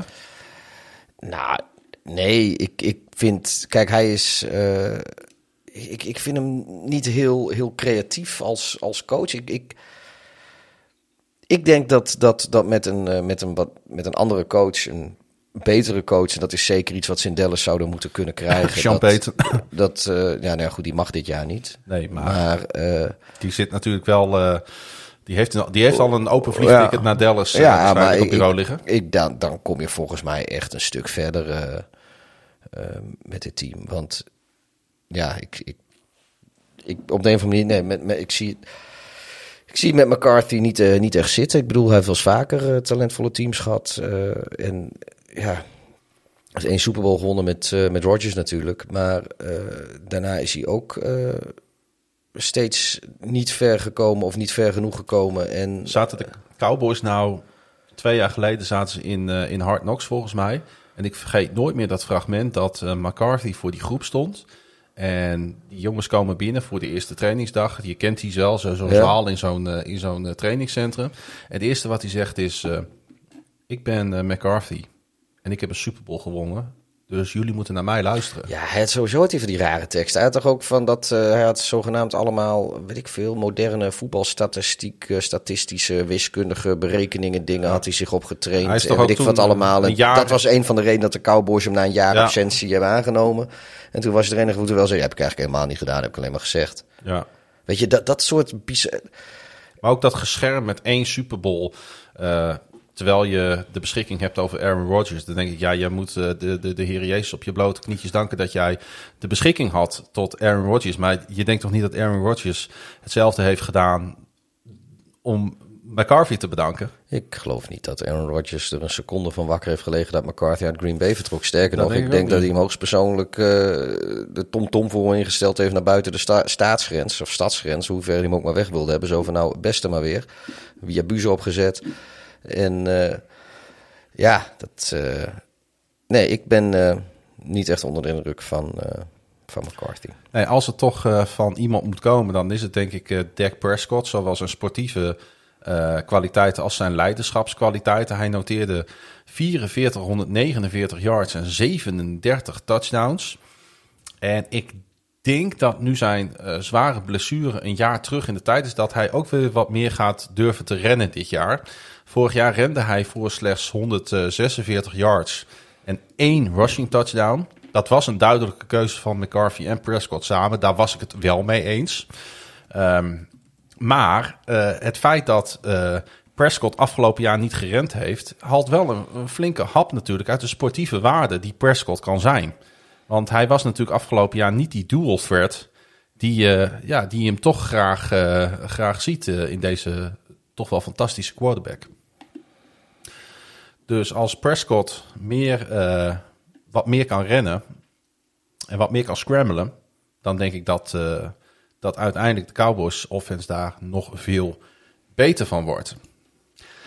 Um, ja, um, even kijken, waar moeten we het nog over hebben uh, met dit team? Jij vindt het zo'n fantastisch team namelijk. Ik, nou, fantastisch. Ik, ik vond het vorig jaar vond ik het een, een heel sterk team Ta talent qua, qua talent. En uh, maar ze, ik vind ze niet beter geworden in het off-season. Ze zijn uh, op papier uh, misschien zelfs een klein beetje minder geworden. Maar, nou, ik denk dat ze er behoorlijk minder op zijn geworden. En dat hebben ze aan zichzelf te danken, vind ik, Pieter.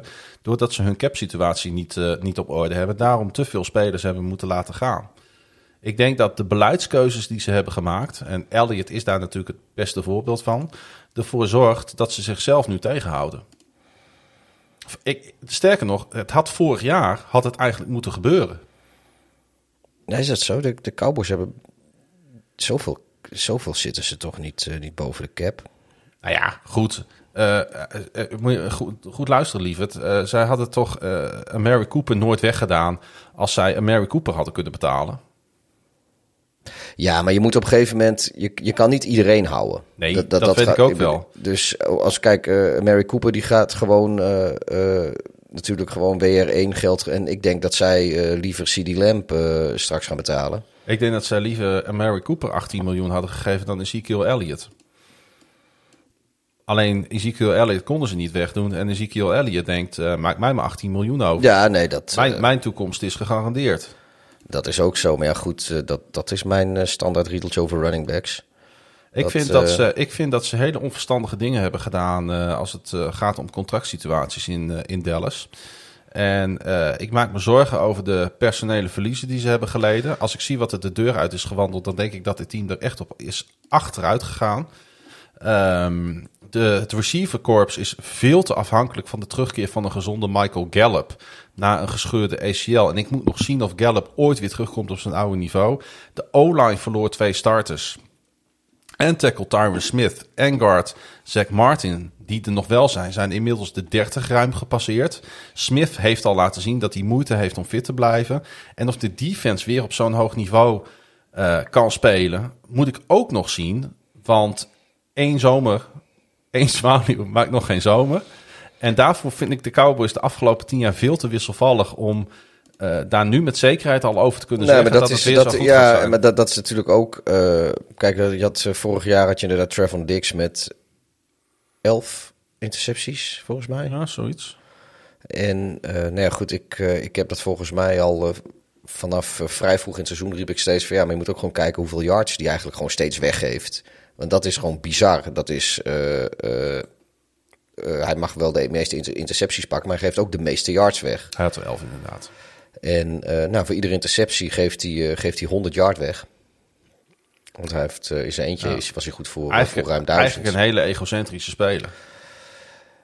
Ja, nou die, ja. die meer voor zijn eigen stats gaat dan voor het teambelang. Dat is wat, wat, je, wat we dan eigenlijk concluderen. Ja, misschien is hij, is hij, is hij beter in, in ballhokken dan in coverage. Dat kan ook. Uh, maar in elk geval, uh, dat is wel een statistiek, denk ik, die niet sustainable is. Die 11 intercepties, dat doe je niet zomaar uh, weer. Maar het is, dat, dat is bijna onmogelijk. Mm. Maar het is eigenlijk nog veel lastiger misschien wel om in één keer nauwelijks nog yards weg te gaan geven en echt een shutdown corner te worden. En ja, daar zie ik wel wat, wat, uh, wat problemen. Want ja, daar heeft hij het nog nodige te bewijzen natuurlijk. Nou goed, ik, ik zie overall zie ik dus te veel afhakers die, die naar elders zijn gegaan omdat de Cowboys ze niet vast hebben kunnen houden. Het, dat vertrek van Randy Gregory was natuurlijk ook belachelijk, omdat, ze gewoon, omdat het ze niet lukte om een goed contract op te, op te stellen. Um, er zijn gewoon te veel misses geweest. En als ik dan kijk naar het offseason van de Eagles, want die moeten we er tegenover zetten. Dat is hun concurrent natuurlijk voor die, uh, voor die eerste plek in de divisie. Ja, dan denk ik dat de Eagles meer in een, in een, in een winnende modus op dit moment zitten. En in een positieve uh, spiraal naar boven. En dan denk ik dat uh, Dallas wel eens in de spiraal naar beneden zou kunnen schieten. Nou ja, dat is wat ik denk. Ik, ik uh, kijk een, een, Zonder dat er nog een wedstrijd gespeeld is, want mooie, het mooie, lastig. Mooie, mooie samenvatting, denk ik, van, uh, van hoe dat is gegaan uh, het afgelopen half jaar met de met Cowboys. Is van ja, weet je, je wint de Super Bowl niet in het offseason, maar je kan hem er wel verliezen. Ja. Want vorig jaar waren ze op papier vanuit de NFC een van de kandidaten. Uh, nou, dat is nu zeker niet meer het geval. Ik denk dat, uh, dat dit jaar wordt eigenlijk net zo'n jaar als dat het. Uh, vorig jaar was het underwhelming. Dit jaar is het maximaal haalbaar. Hetzelfde als ze vorig jaar deden. Uh, ze kunnen denk ik best nog wel meekomen in de divisie. En uh, er is ook een reële kans dat ze de play-offs halen. Nou ja, Zeker. Da en daar blijft het bij. Ja, dat, uh, dat vrees ik, ook. Maar ja, ik, ik, ik zie... hoeveel overwinning had jij gezegd voor ze? Of ik waren heb, we nog niet zo ver? Ik heb nog niks gezegd. Oh, ik... ik heb de Eagles net op 11 gezet, hè? Ja, en ik had ze op 9 of acht, negen. Negen volgens negen. mij. Ja, ik, ik zet de Cowboys ook op negen.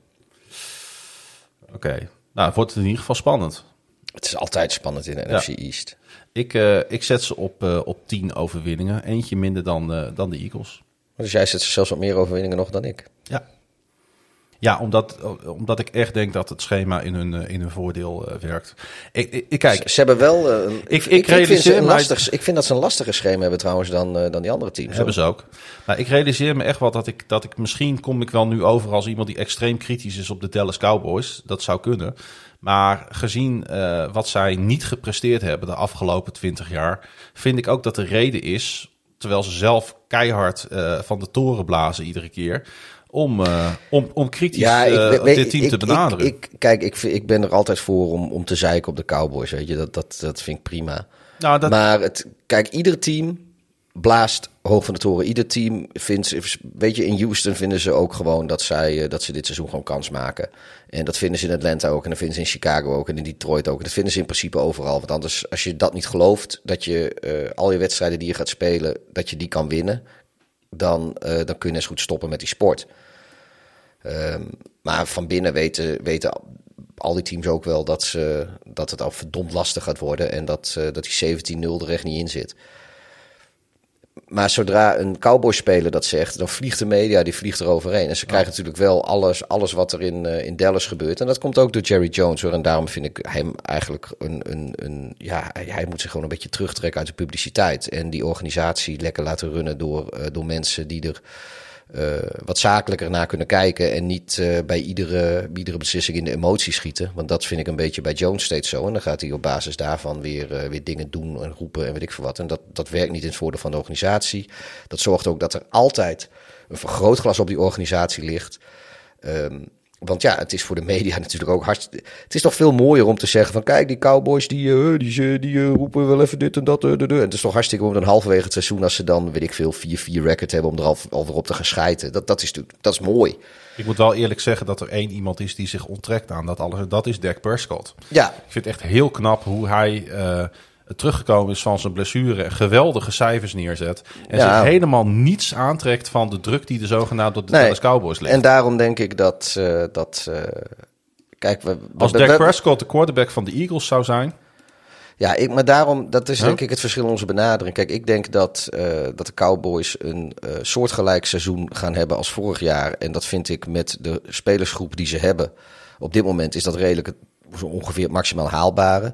Maar dat komt vooral omdat ze vorig jaar ondergepresteerd hebben met wat ze toen eigenlijk hadden moeten doen. Ja, dat klopt. En, dat vind ik ook. En, uh, maar ik ben, ik ben niet zo. Ja, op een of andere manier klink ik, klink ik minder negatief, maar ik zet uiteindelijk wel op minder overwinningen. Ja. Dat is al wel grappig, hè? Maar dat, eh, ja, ik heb gewoon zoiets van, ja, met, met dit team dit doen. Maar het zijn ook, het zijn ook gewoon weer die Cowboys, weet Uh, je. maar het is, ook, het is ook het feit dat je dus schijnbaar, en ook wij eh, vallen in, trappen in die val, dat je dus op het ene team ben je schijnbaar meer kritisch dan op het andere team. Ik kan op de een of andere manier ben ik minder kritisch op de Eagles dan op de Cowboys. Nou vind ik, dat ligt ook wel een beetje aan de twee off-seasons die we hier naast elkaar hebben gezet natuurlijk. Ja. Nee, ik, ik, eh, ik en, en, en ergens vind ik het jammer, want eh, deze divisie kan zo leuk zijn. Maar met, met, met hoe de Commanders eh, er, er mentaal voor staan en als organisatie absoluut het afvoerputje van de NFL zijn. Met een manier waarop de Giants eh, al tien jaar geen enkele relevantie in deze league hebben. Als ze niet zouden Stel nou dat de Giants per ongeluk niet, gewoon helemaal niet zouden spelen, zou niemand ze missen. Ja, dat maar een extra bye week. Een extra bijweekje heel wel lekker. Ja. Eh, en, en, en dus die zijn non-factor in principe in deze, eh, in deze eh, league. Tenzij, wat ik een beetje hoop, dat Commanders toch een beetje upside hebben. Dus deze twee teams moeten het uitvechten. Ja. En dat maakt deze divisie interessant, maar meer ook niet. Ja, natuurlijk zijn het officieel als de Giants en de, en de Cowboys tegenover elkaar staan, dan is dat zogenaamd een, een, een, een rivalry. Maar ja, we hebben allemaal de uitslagen van afgelopen seizoen gezien. Ja, daar hoef je, met alle respect, we houden Nee, ongelooflijk van het spelletje, no- maar no- dan hoef je je televisie niet Normaal, normaal gesproken was het altijd een soort slugfest daar in die NFC East. Dat iedereen van iedereen won. Maar tegenwoordig heb ik... eh, Ja, wat, wat de Eagles en de Cowboys tegen elkaar doen... dat is denk ik op voorhand interessant. En ja, zowel de Commanders als de Giants moeten eh, de, de Eagles en de Cowboys eigenlijk niet echt. Eh, ik denk dat, dat zowel de Eagles als de Cowboys... die gaan in de vier wedstrijden tegen de Giants en de Commanders... moeten ze allebei 3-1 gaan. Ja. Weet je, ik, ik geloof heus nog wel dat, eh, dat, dat ze allebei een keertje uit gaan glijden. Maar ze moeten daar gewoon drie keer van kunnen winnen. En het moet niet gewoon zo zijn dat ze onderling alles splitten. Wat in het verleden ook wel eens gebeurde in deze divisie. Dat is ook wel ja. Goed, we gaan het eh, zien. We hebben 32 teams eh, bij de kladden gehad. Nou ja, jij niet alle 32. Eh, we hebben ook wat gasten gehad eh, in de afgelopen weken. Die, nou, die ik aan het eind van deze eh, laatste preview podcast natuurlijk nog even hartelijk wil bedanken voor hun eh, bijdrage aan eh, NFL op woensdag. Ja, en dankjewel voor het vervangen van mij op de momenten dat ik niet kon. Misschien gaan we deze mensen ook nog wel een keer terugzien komend seizoen in de reguliere aflevering of horen, inderdaad. Het is audiomedium, hè? ja, sorry, ja, misschien gaan we wel met beeld werken binnenkort. Dan moet ik naar de kapper. Ja. Ehm, Maskeren. hey Pieter, Ja. Ehm, nu het er helemaal op zit, wil je je Super Bowl eh, eh, voorspelling nog bij? eh, Ja, ik, volgens mij heb ik, heb ik ooit een keer, eh, dat kon wel eens in die podcast zijn waar Jur bij was, heb ik volgens mij de, de Buccaneers genoemd in plaats van de Rams. En dat was natuurlijk echt heel dom van mij. Ik heb volgens mij toen Bucks Bills gezegd, waar het gewoon Rams Bills had moeten zijn. ja? Ja, voor, dat, dat, dat, dat bedacht ik mij eh, vannacht. Ik kon niet slapen. Dus al deze eh, previews die we hebben opgenomen, hebben je niet per se tot ander inzicht eh, laten komen wat betreft de eindwinnaar. Nee, maar eh, ja, ja, wat ik zeg, ik, ik, ik weet nog dat ik, volgens mij was dat hij waar Jur bij was, heb ik eh, volgens mij de Buccaneers gezegd. En ik bedoelde eigenlijk gewoon de Rams. En het was gewoon een, een absolute totale hersenscheet, verstandsverbijsteringsvlaag. Ik, ik geloof in Rams Bills. Ja, ik, eh, ik, ik heb hem op Eagles Chargers gezet, hè? Ja, jij hebt het een beetje exotisch nog. Ik heb volgens mij ook nog wel een keer Ravens Bears genoemd, maar dat zit er denk ik niet helemaal in. Nee, Voor de want Ravens. Ravens gaat het niet halen. helder in mijn glazen. En wie heeft de eerste draft pick, eh, denk je? Ehm, Atlanta. Ik. eh, Ja, of gewoon weer Jacksonville. Ik heb, op de een of andere manier heb ik daar. eh, Dat zou wat zijn. Ja, dat heb ik ook in die, in die preview gezegd. Het zou wat zijn inderdaad als Jacksonville. Ja, weet je, dat- da- dat da- gun ik moet Mike je- niet. Nee, maar dat gun ik eigenlijk ook, eh, ook, ook dat gun ik de Jaguars niet. Eh, dat, eh, dat gun ik Lawrence ook niet. Want eh, ja, die, die jongen moet dan... eh, ja, dan ligt een drugsverslaving echt wel op de loer hoor. Want eh, die, gaat, eh, die gaat van ellende zich dan in de goot storten. ja, het, ja, het. het eh, Ja, ik vind, het, eh, ik vind het ook wel lastig. Eh, De Texans misschien. Eh, zie ik nog wel een paar wedstrijdjes winnen. Nee, ik, eh, ik vind Atlanta vind ik echt by far het slechtste team in de NFL. ik denk dat, eh, dat ik dat ook zo moet vinden. Ja. Hey, ehm, Of de Jaguars. ja, ik weet het niet. De- Het lijkt me ook weer in- in- intrigerend. Maar goed, volgens mij is het eindtuntje bijna afgelopen. nog een minuut. Oh, Zo nog een minuut. En wie daarin heeft de eh, tweede draftpick dan? ook eh, Atlanta. Want die gaan eh, omhoog traden. Oh ja, die gaan, eh, die gaan ruilen gaan dan met, de- met, en met dan de gaan ze- Jaguars. waardoor de Jaguars alsnog de eerste pick hebben. Ja. En dan gaan ze, daarvoor gaan ze ook de eerste overall pick van het jaar daarop gaan ze alvast weggeven. Oké, Dus dan hebben ze hem ook weer. Maar dan ook weer niet, want die gaan ze weggeven. daar gaan wij een podcast over maken. Eh, als mensen ons willen steunen, dat kan via nflopwoensdag.nl. Kun je lid worden, kun je je petje voor ons afnemen. 5 euro per maand ben je MVP-lid. En krijg je de toegang tot eh, onder, andere, onder andere de wekelijkse voorspellingspodcast. Dat is natuurlijk hartstikke leuk. Eh, als dit al niet genoeg is, dan kan je ons nog veel meer beluisteren. Pieter, bedankt Ja, voor al je gedaan. fantastische inzichten. Wow. En eh, we zien elkaar weer eh, als, eh, als het reguliere seizoen is begonnen. Bedankt voor het luisteren naar NFL op woensdag, seizoen 3, aflevering 15. Beste mooi weer.